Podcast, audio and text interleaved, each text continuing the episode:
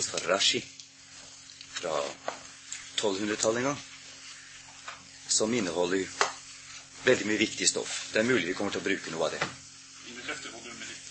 Jeg skal gjøre det. Det er bare en sånn liten, liten innledning. Som ikke er noen innledning.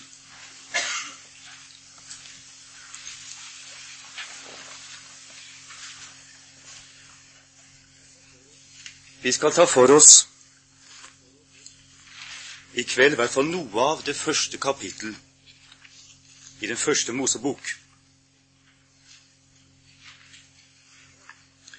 Og det dreier seg her om en tekst, og siden om flere tekster som er flere tusen år gamle. De er blitt til i et helt annet miljø en helt annen kultur enn vår. Hvis vi kunne kjøre tidsmaskinen tilbake og plutselig lande i det miljøet hvor disse skriftene en gang ble til, skrevet første gang, så vil det være et kultursjokk som å komme til en fremmed planet omtrent. Og vi kan spørre oss selv hva har disse urgamle tekstene med oss å gjøre? Hvorfor angår de oss? Hvorfor er vi så mange tilfeldige mennesker kan vi si, samlet nå for å høre noe om det første kapittelet i første Mosebok?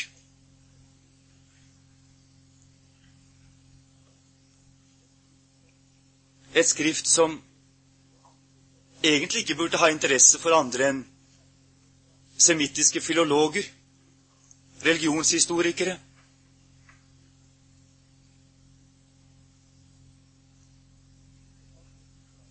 hvis det falt ned midt iblant oss nå for første gang. Grunnen til at disse skriftene i Det gamle testamentet og dette kapitlet angår oss, er rett og slett fordi vi er døpt. Det angår ikke alle mennesker sånn i sin alminnelighet, egentlig. Men det angår oss fordi vi er døpt. Og dåpen knytter bånd mellom oss og disse skriftene. Fordi det knytter bånd mellom oss og det folk som har båret disse skriftene frem i verden. Israels folk.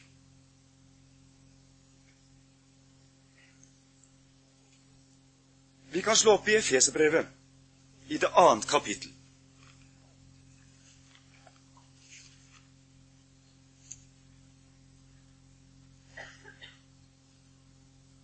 Vi leser fra det ellevte verset. Og det er noen ord som er sagt til oss, til oss kristne, og som forteller oss hvem vi er, og hvilken sammenheng vi står i.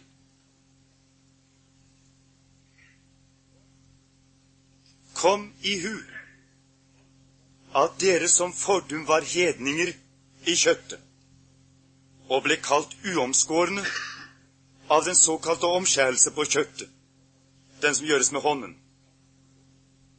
At dere på den tid sto utenfor Kristus, utelukket fra Israels borgerrett og fremmede for paktene med deres løfte, uten håp og uten Gud i verden. Men nå, i Kristus Jesus, er dere som fordum var langt borte, kommet nær til ved Kristi blod. Og så kan vi lese vers 19. Så er dere da ikke lenger fremmede og utlendinger, men dere er de helliges medborgere og Guds husfolk.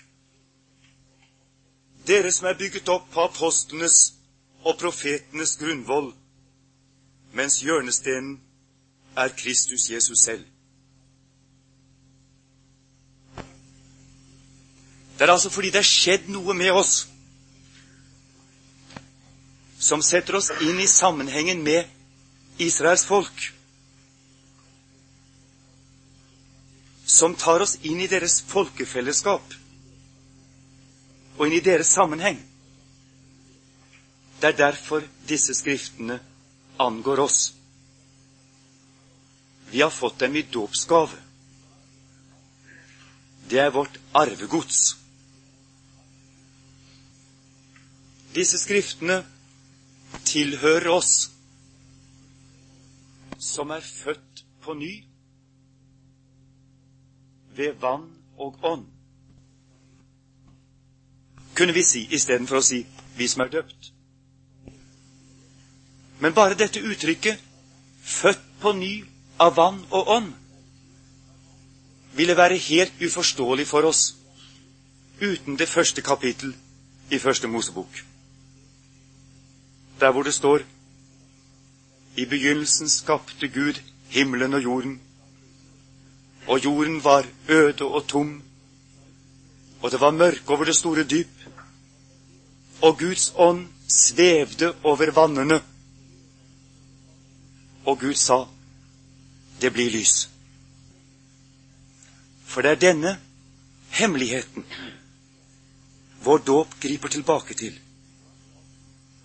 En nyskapelse ut av vannet, ut av det store, mørke kaos, ved Ånden. Lyset skjærer inn og gjør oss til nye mennesker. Akkurat det samme bildet bruker Paulus som, om oss i 2. Korinterbrev, i det fjerde kapittel og det sjette verset. Der sier Paulus om seg selv og de andre troende. For Gud, som bød at lys skulle skinne frem av mørket, han er den som oss har latt det skinne i våre hjerter, for at kunnskapen om Guds herlighet i Jesu Kristi åsyn skulle stråle frem fra oss.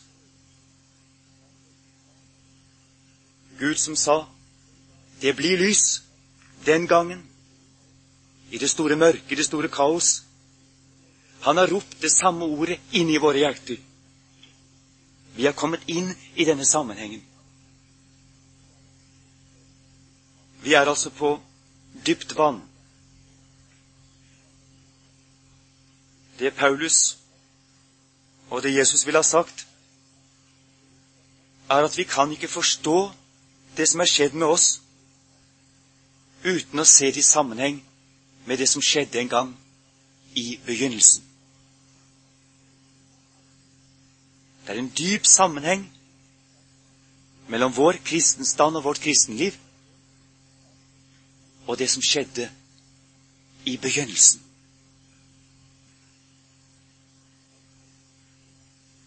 Allikevel så tror jeg først vi må se på denne teksten som en historisk størrelse, slik som det vanligvis gjøres når denne teksten behandles av vitenskapsmenn, av teologer eller filologer eller religionshistorikere.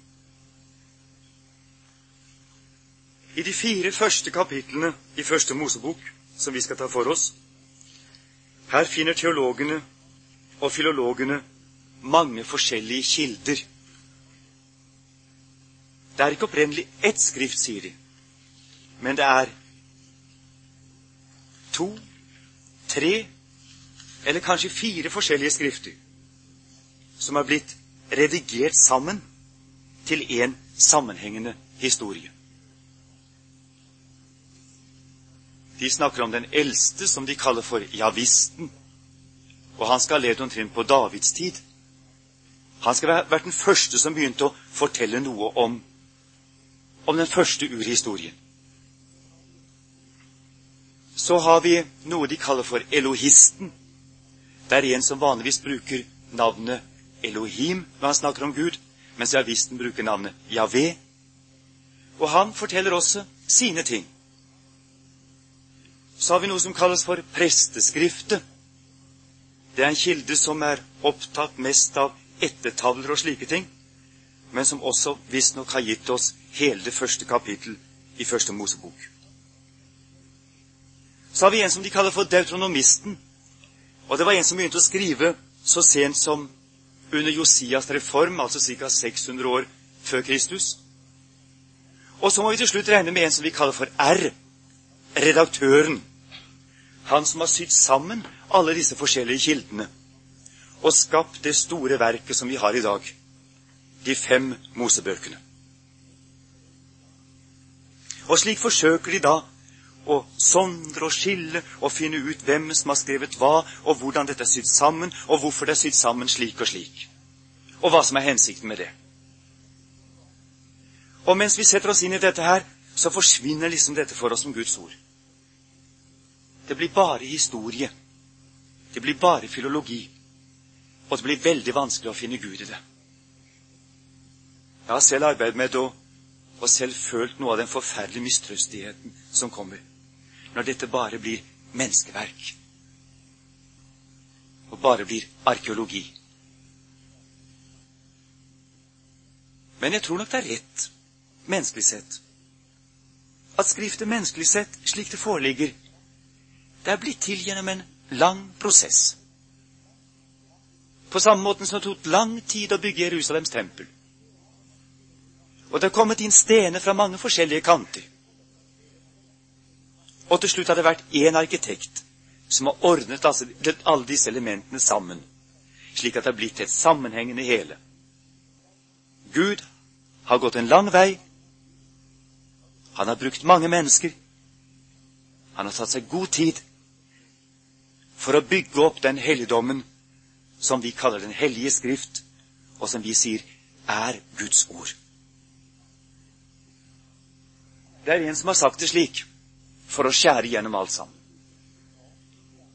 Og for å vise egentlig hvor galt det kan gå når vi begynner å, når vi begynner å fortape oss i enkelhetene og forsøker å finne ut hvordan dette kanskje er blitt til.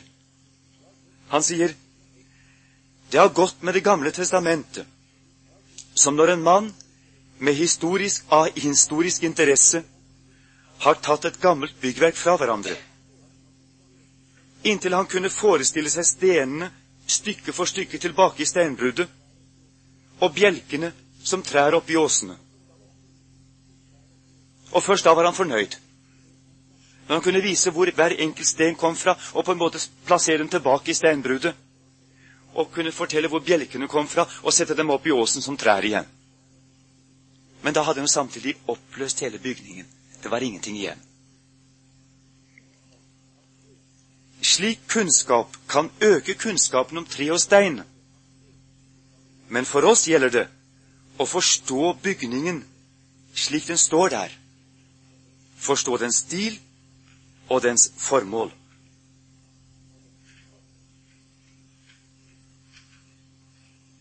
En jødisk rabbiner som heter Frans Rosenzweig, han sier det at den egentlige forfatteren av Skriften, det må jo være han som vi kaller for R, altså redaktøren. Han som til slutt en gang på 500-tallet eller 400-tallet sydde alle disse kildene sammen til ett skrift. Men vi burde ikke sette R for redaktør, sier han. Vi burde sette R for for rabenu.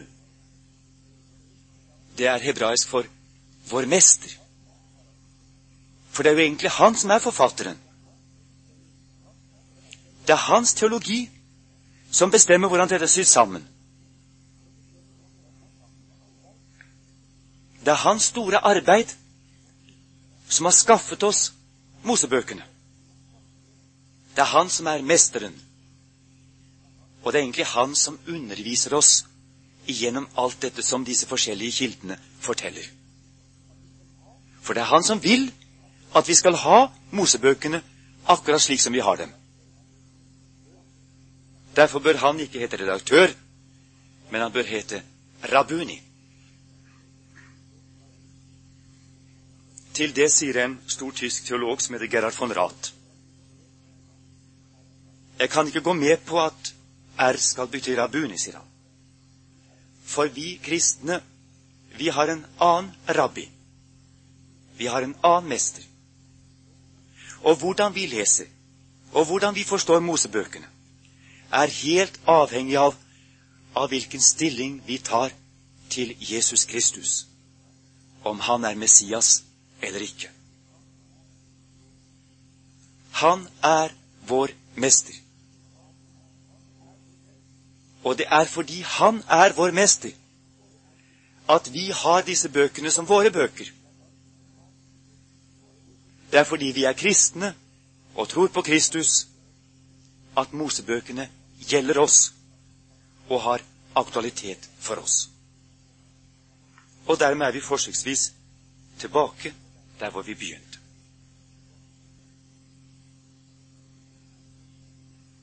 Så skal vi til slutt merke oss hva teksten, denne teksten vi skal lese i dag, hva den går ut på. Den taler med den aller høyeste konsentrasjon om Gud. Det er Gud som er hovedpersonen. Det er ikke de andre detaljene i stykket som egentlig er interessante. Men det er Gud. At Gud skapte. At Gud talte. At Gud skilte. At Gud gjorde. Og at Gud velsignet. Det er det som er hovedsaken i historien. At det hele tiden er Gud som står bak. Og så skal vi merke oss hva den sier om Gud, denne teksten. Den sier til oss at han var før verden. Han skapte verden ut fra sin frie vilje. Han er ikke ett med verden. Han er noe helt annet enn verden. Men han er heller ikke skilt fra verden. Men han vender seg skapende og velsignende mot verden. Alt dette er trosetninger som ikke stammer fra de gamles verdensbilde. Selv om det verdensbildet som forfatterne på den tiden da dette skriftet ble til, hadde, og vårt verdensbilde, er blitt forskjellige, så stammer ikke disse trosetningene fra dette gamle verdensbildet. Men de har sin fulle gyldighet også i vårt verdensbilde. Disse trosetningene om Gud de bryter ikke sammen fordi om verdensbildet forandrer seg. De blir stående. Og det er disse trosetningene som er hovedsaken i den teksten vi nå skal lese.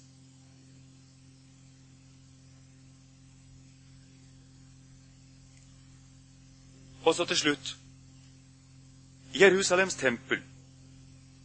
Det var hugget ut av Orientens geografi og historie der og da. Det var stein herfra og stein derfra. Det var bjelker herfra, og det var bjelker derfra. Det var stilimpulser herfra og derfra. Det var mennesker som dro på steinene og bar bjelkene. Det var arkitekter der, og det var snekkere. Og allikevel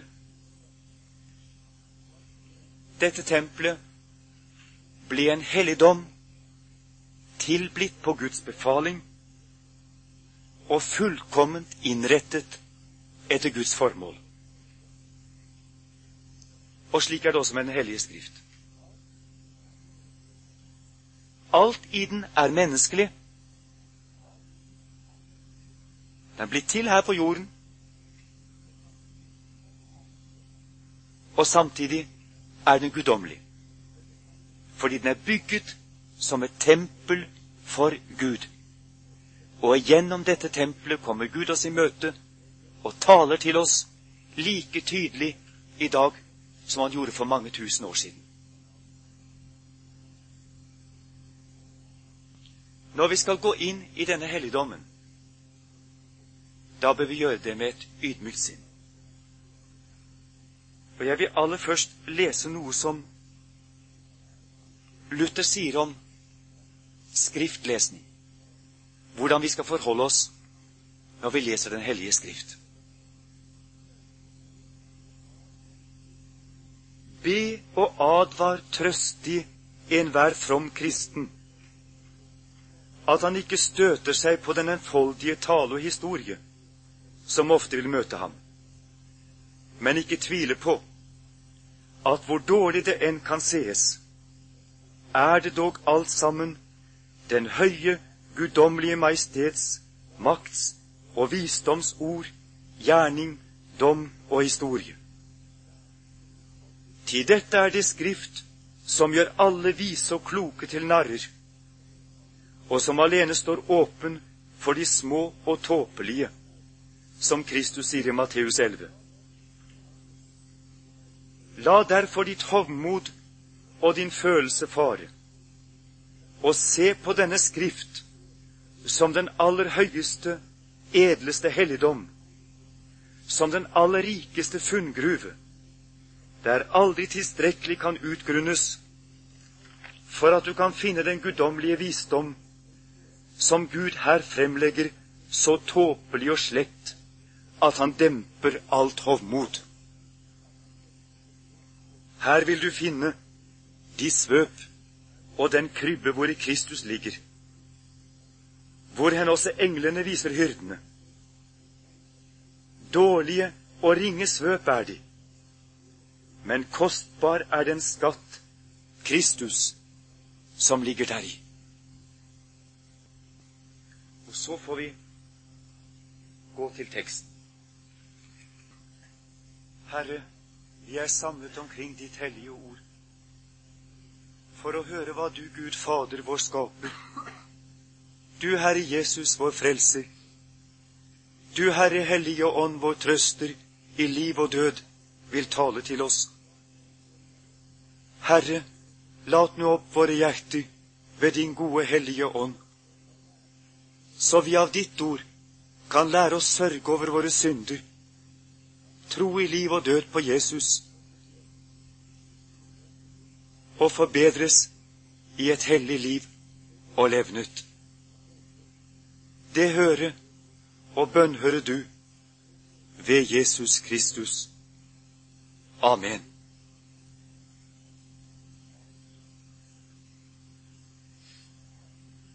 I begynnelsen skapte Gud himmelen og jorden. Og jorden var øde og tom, og det var mørk over det store dyp, og Guds ånd svevde over vannene. Da sa Gud, det blir lys, og det ble lys. Og Gud så at lyset var godt, og Gud skilte lyset fra mørket. Og Gud kalte lyset dag, og mørket kalte han natt. Og det ble aften, og det ble morgen, første dag.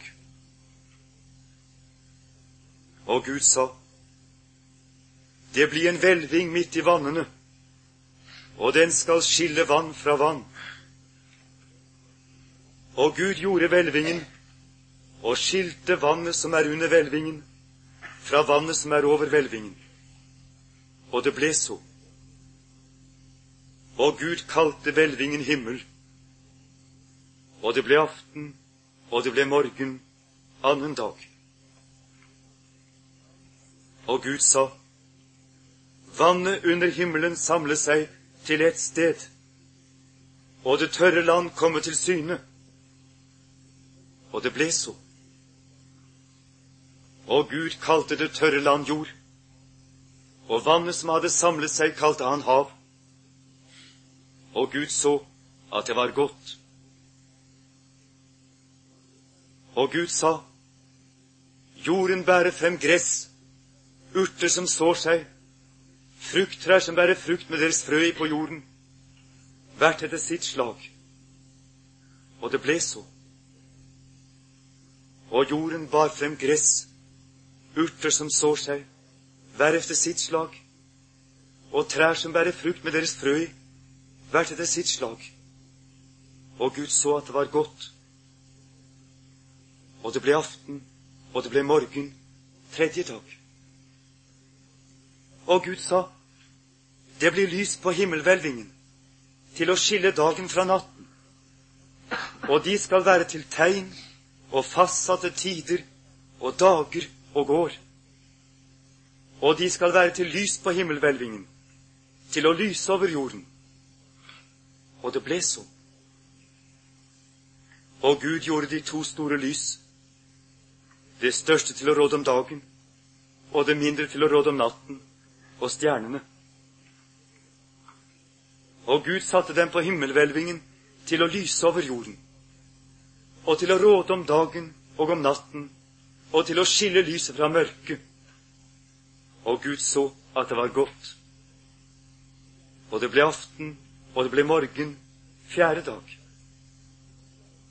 Og Gud sa, det vrimla liv i vannet, og fugler flyve over jorden under himmelhvelvingen. Og Gud skapte de store sjødyr og alt levende som rører seg, som det vrimler av i vannet, hvert etter sitt slag, og alle vingede fugler, hver etter sitt slag. Og Gud så at det var godt. Og Gud velsignet dem og sa:" Vær fruktbare og bli mange, og oppfyll vannet i havet, og fuglene skal bli tallrike på jorden. Og det ble aften, og det ble morgen, femte dag. Og Gud sa, Jorden la fremgå levende vesener, hvert etter sitt slag, fe, kryp og ville dyr, hvert etter sitt slag, og det ble så. Og Gud gjorde de ville dyr hvert etter sitt slag, og fe etter sitt slag, og all jordens kryp hvert etter sitt slag. Og Gud så at det var godt. Og Gud sa, La oss gjøre mennesker i vårt bilde, efter vår lignelse, og de skal råde over fiskene i havet, og over fuglene under himmelen, og over fe, og over all jorden, og over alt kryp som rører seg på jorden. Og Gud skapte mennesket i sitt bilde. I Guds bilde skapte han det. Til mann og kvinne skapte han dem. Og Gud velsignet dem og sa til dem, Vær fruktbare og bli mange, og oppfyll jorden og legg den under eder, og råd over fisken i havet, og over fuglene under himmelen, og over hvert dyr som rører seg på jorden. Og Gud sa, Se, jeg gir eder alle urter som sår seg, alle som finnes på jorden, og alle trær med frukt som sår seg. De skal være til føde for eder. Gir jeg alle grønne urter å ete, og det ble så. Og Gud så på alt det han hadde gjort, og se, det var såre godt. Og det ble aften, og det ble morgen, sjette dag. Så ble himmelen og jorden med hele sin hær fullendt. Og Gud fullendte på den syvende dag det verk han hadde gjort, og han hvilte på den syvende dag fra all den gjerning som han hadde gjort. Og Gud velsignet den syvende dag og helliget den, for på den hvilte han fra all sin gjerning, den som Gud gjorde da han skapte.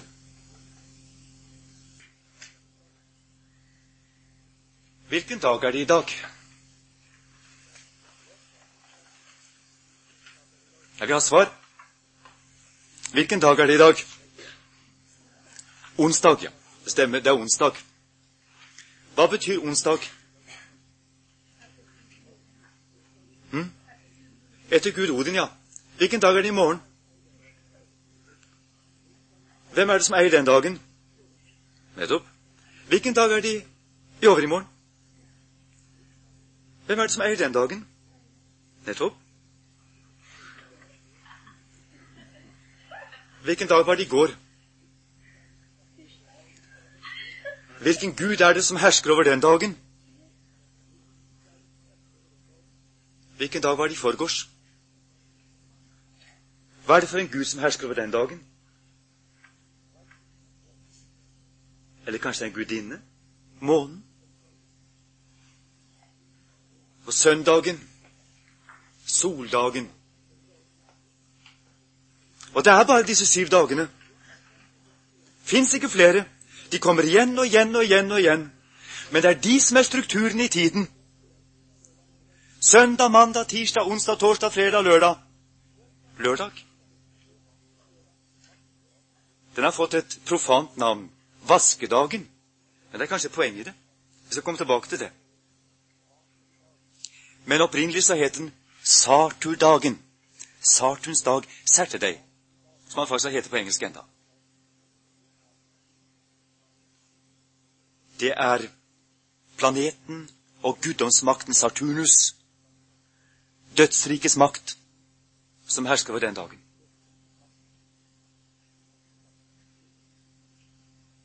Så kan man saktens holde seg rolig. Jeg begynner på den måten for å gi dere et bilde av det tidsskjema som skapelsesberetningen finner sted i. For det, bare, har ikke bare vært slik i våre dager eller tilbake til romertiden. Men også de gamle babylonere delte tiden på denne måten. Og stort sett var det de samme type guddomsmakter som rådet over de forskjellige dagene også. De har andre navn, men det er samme type guder som hersker over disse dagene. Solen over søndagen, månen over mandagen, høyguden Jupiter over tirsdagen, osv. osv.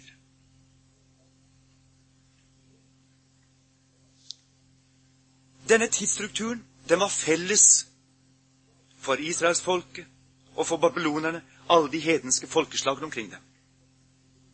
Og Israel lå som en liten øy midt i dette hedenske havet, som forsto og oppfattet verden på denne måten. Disse syv dagene var som syv søyler som bar verden. Og disse syv guddommene, eller disse syv planetene, det var disse guddomsmaktene som hersket over all tid. Og som bestemte hva som skulle skje. Og som menneskene måtte innrette seg etter hvis det skulle gå dem godt. Og som kunne utforskes gjennom astrologi, f.eks. Gjennom å tyde stjernetegnene slik de sto på forskjellige dager. Så kunne man finne ut hva denne dagen inneholdt. Hva det var for en god eller en ond vilje denne guden hadde med meg. Utenfor denne lille øyen Israel så gikk mennesket som treller under dette tidsskjemaet, under disse gudene, bøyd under hedenskapets og astrologiens åk. Det gjaldt hele tiden å innrette seg på en eller annen måte for å komme til rette med forskjellige guddomsmakter som hadde sine forskjellige tidsepoker de hersket over, og prøve å finne ut hva deres vilje var gjennom å spørre stjernene og tyde stjernenes språk.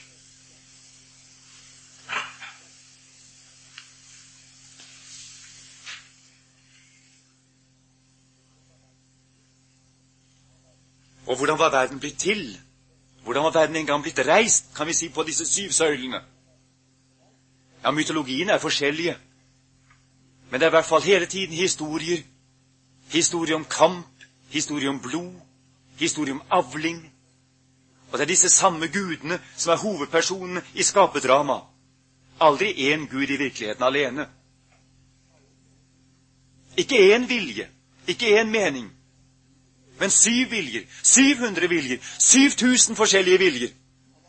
Og verden på en måte som samspill av alle disse guddomskreftene. Som sammen avgjorde at verden er slik den er. uendelig mange potenser som hersker i verden, og som hver for seg krever sin rett. Thor som maktens gud og krigens gud, og hva nå het hos babylonerne. Freia som kjærlighetens gud, seksualitetens gud, fruktbarhetens gud.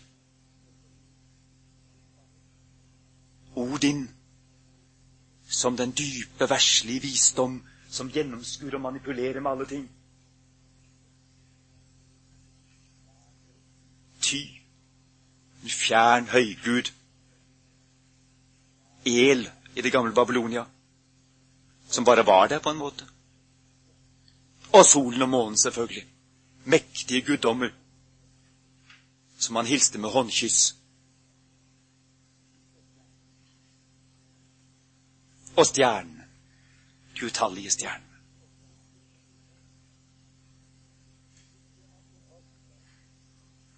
Tidsskjemaet står fast. Disse syv dagene, det er tilværelsens søyler.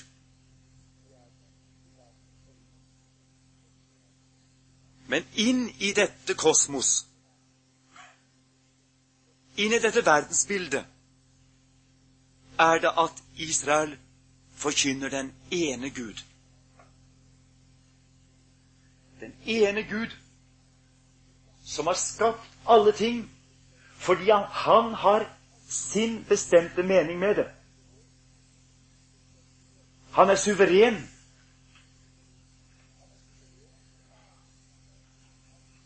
Han er ikke avhengig av de andre guddomsmaktene. Han vet hva han gjør, og han er herre over alle dager. Det fins ikke en eneste dag som ikke er grepet av Gud. Som Gud ikke har fylt med sitt innhold. Det fins ikke en eneste dag som denne Gud ikke er herre over. Både dagen og dens innhold er Herrens gjerning. Og det er intet mindre enn en revolusjon.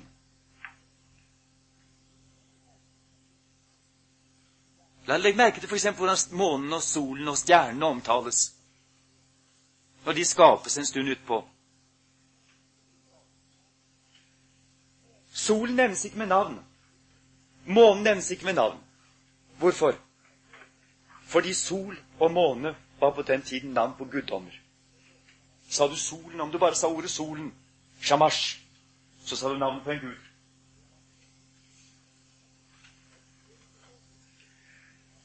Men du ser hvilken rolle disse store makter har fått i dette skjemaet. De er bare lamper som er hengt opp på himmelen. Solen heter det store lys, månen heter det lille lys, og så stjernene strødd utover. Men de har ingen egen makt. Det står noe at de skal råde om natten og om dagen, men det er bare for at de skal gi tider og være til tegn. For tider og måneder og år, står det. Altså, de har blitt redusert kalenderfenomener. Jeg har bare én oppgave å fortelle oss hvor langt vi har kommet på året eller i tiden. De har blitt fullstendig sekularisert, kan vi si. Og hengt opp på himmelen for å gjøre oss en tjeneste. Så suverent er det omsnudd. Fra at vi var solens og månens og stjernenes tjenere som alltid måtte rette oss inn etter deres tegn og deres mening, forsøke å tolke deres skjulte budskap, om det skulle gå oss vel, så er alt snudd om. De er blitt våre tjenere. Det er bare vårt urverk som stadig går på himmelen. Fullstendig avmytologisert, som vi sier. Vi har ingenting med dem å gjøre. Skylder dem ingenting. Vi skylder Gud alt. Bli lys, sa Gud. Ropte sitt lysord inn i mørket, inn i kaos. Og vi kan si at hele denne skapelsesberetningen på en måte er en beretning om hvordan dette lyset stråler gjennom det gamle kaos. Det gamle hedenske kaos. Hvor menneskene gikk i mørk. Og de følte seg utlevert til kaosmaktene. Livet hadde ikke en virkelig mening. Det var ikke noen virkelig sammenheng i tilværelsen. Mitt liv var bare en sum av kamp mellom forskjellige krefter i meg og omkring meg. Jeg var bare som en, en flis på det store havet, utlevert til disse maktene og kreftene. Det er kaos, det. Det er mørke, det. Men inn i dette mørket roper da Gud gjennom denne trosbekjennelse lyset inn i kaos og frir menneskene fra disse hedenske maktenes vold. Når du hører dette, tror du tar imot det, så, så, så brer lyset seg i verden. Og til slutt så står du der og får høre at du er skapt i Guds bilde. Og du skylder ikke disse maktene noe som helst. Du skylder bare Gud din lydighet og din kjærlighet og din hengivenhet. Han som har skapt deg sitt bilde. Og han er satt deg som kronen på sitt skaperverk. Det var du som var meningen med det hele. Mennesket. Hele skaperverket på en måte snudd opp ned. Mennesket får se seg selv som kronen på skaperverket. Det frie mennesket som skylder bare Gud sin lydighet og sin kjærlighet. Og alt annet er satt til å tjene mennesket. Alt det som før var guder, skjulte makter og krefter, det er blitt avmytologisert, ja. Det er blitt gjort til virkelighet på en helt annen måte. Noe som Gud legger i hendene på mennesket. Som en oppgave.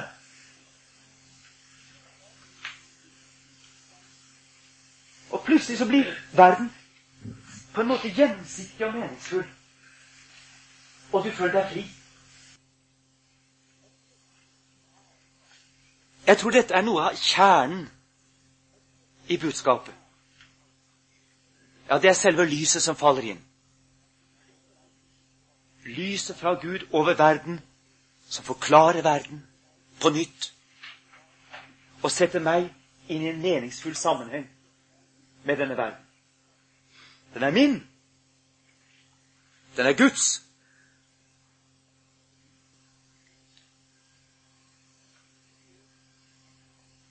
Hvis vi forstår dagene på den måten,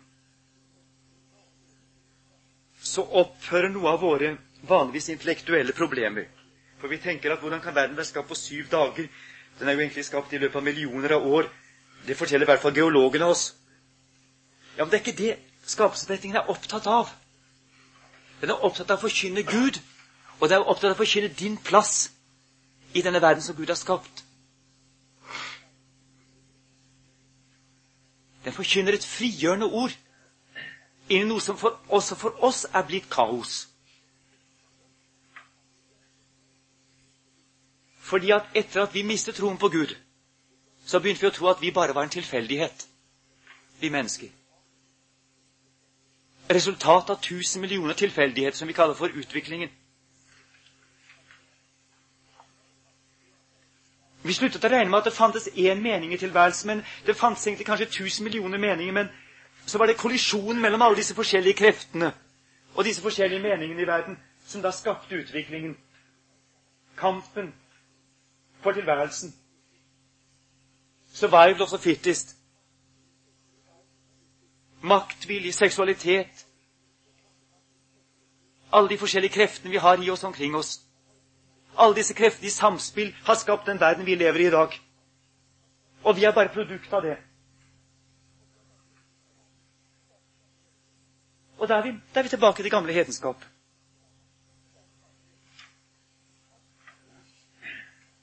Alt blir kaos. Vi mister oss selv. Vi mister vår identitet. Vi vet ikke hvem vi er. Vi vet ikke hvor vi går. Vi må bare forsøke å innrette oss på en eller annen måte. Og skape mening, sier vi. Skape mening. For det fins ikke noe virkelig mening. Vi, vi må skape vårt menneskeverd, for det fins ikke et virkelig menneskeverd.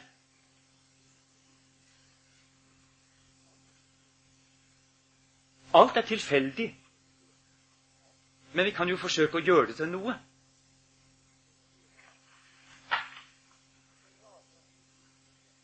Og så raser astrologien inn på oss igjen. Selvfølgelig ganske typisk. For vi kunne ikke klare å leve i sånt sekulært tomrom. Det måtte bli religiøst igjen. Dette utviklingslære-verdensbildet vi har skapt oss, det blir religiøst igjen. Og så er vi plutselig tilbake til de gamle gudene igjen. Vi er midt oppi det nå. Det er stjernene som styrer igjen. Det er forskjellige guder og makter over de forskjellige dagene i vårt liv. Det gjelder å innrette seg, og noen dager gjelder det å holde seg hjemme.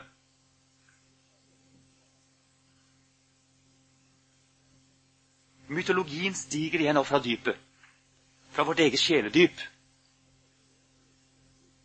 Det er en enorm bildekraft i seg.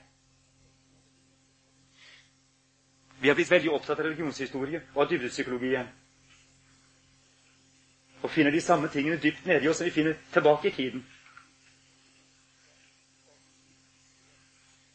Og vi blir utlevert til disse maktene og vet verken opp eller ned lenger. Vet verken kvinne eller mann lenger. Det kommer an på bare hva vi gjør av det, egentlig. Men stjernene hersker.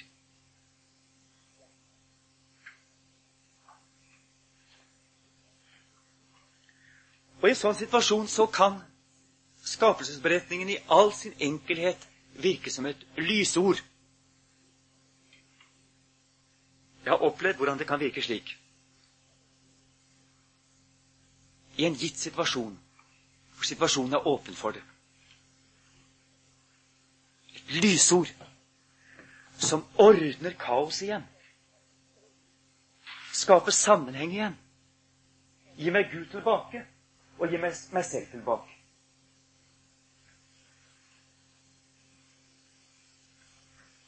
Du kan like godt se de øynene med en gang at det bildet av verden som ligger til grunn for det som skapelsesberetningen vil si til oss. Altså Vi kan si den paletten som brukes, de farvene og de bildene er hentet fra en annen kultur enn vår. Du ser det jo helt tydelig. I begynnelsen så er alt bare mørke og, og, og vann. Et kaos av mørke og vann. Dype hav. Det er mulig det skal oppfattes som symbolsk. Men det er i hvert fall det.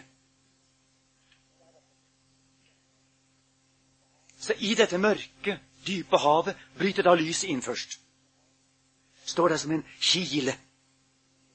Begynnelsen på noe nytt. Og det kan jo minne litt om moderne naturvitenskap. For lyset må jo være det første. Den rene energi. Men alt er fremdeles bare vann og mørke. Så så skaper Gud hvelvingen rakia, som det heter på hebraisk. Det betyr en, en hamret hvelving av metall. Og den setter han da midt i dette store kaoshavet. Rakia. Og vi kan tenke det også men Det må være tenkt som en sånn en halvhvelving. Omtrent som du ser regnbuen. Så når den ned i kaos et eller annet sted. Står i dypet et eller annet sted. Men fremdeles er det kaos både på oppsiden og undersiden av hvelvingen. Men så er det Gud begynner å skille. Han skiller mellom det vannet som er over hvelvingen, det kaos der hvor ingen kan leve, som er overhvelvingen, og det vann som er underhvelvingen. Og han lar det vannet gå tilbake i dypet, slik at det tørre land stiger frem. Dermed skaper Gud et livsrom for planter og dyr og mennesker. Midt i et kaos hvor ingen kan leve, og hvor ikke noe liv kan bestå. Det er omtrent som en ark, ikke sant? Som en slags Noas ark, om du vil. Gud bygger den første Noas ark. Med hvelvingen stenger han kaosmaktene ute. Og så lar han jorden stige frem av dypet Havet synker tilbake på sin rettmessige plass. Det blir balanse der nede. Og innenfor disse veggene, den runde sirkelen, går det an å leve. Der er det luft. Der er det hav. Der er det land. Gud skaper vårt livsrom. Og Gud oppholder vårt livsrom. Og det er et sterkt bilde, dette her. Jeg tror ikke vi kunne lage et bedre bilde ved å snakke om ozonlaget som beskytter oss, eller et eller annet sånt. Men vi kunne jo forsøke, ikke sant? Men det er ikke ozonlaget det er tale om her. Her er det tale om himmelhvelvingen, slik menneskene opplevde når de så opp. Men det er jo, selvfølgelig er det egentlig ozonlaget de ser opp i. Det er det. Men altså, det er Gud som har skapt den strukturen i verden som gjør at livet kan leve. Det er han som står bak det. Det er hans gode mening og vilje. Og det utsagnet det gjelder for alle tider. Uansett hvordan vi tenker oss den strukturen. Det kan jo være atomstrukturen, det, ikke sant? Det kan være at rakia egentlig går igjennom hver eneste molekyl, hvert eneste atom. Det som holder tingene sammen, hva er det? At ikke alt raser tilbake i kaos, går i oppløsning. Hva er det? Vi kan kalle det for hvelvingen. Bildet er enkelt, klart, tydelig, allmennforståelig. Et barn kan forstå det.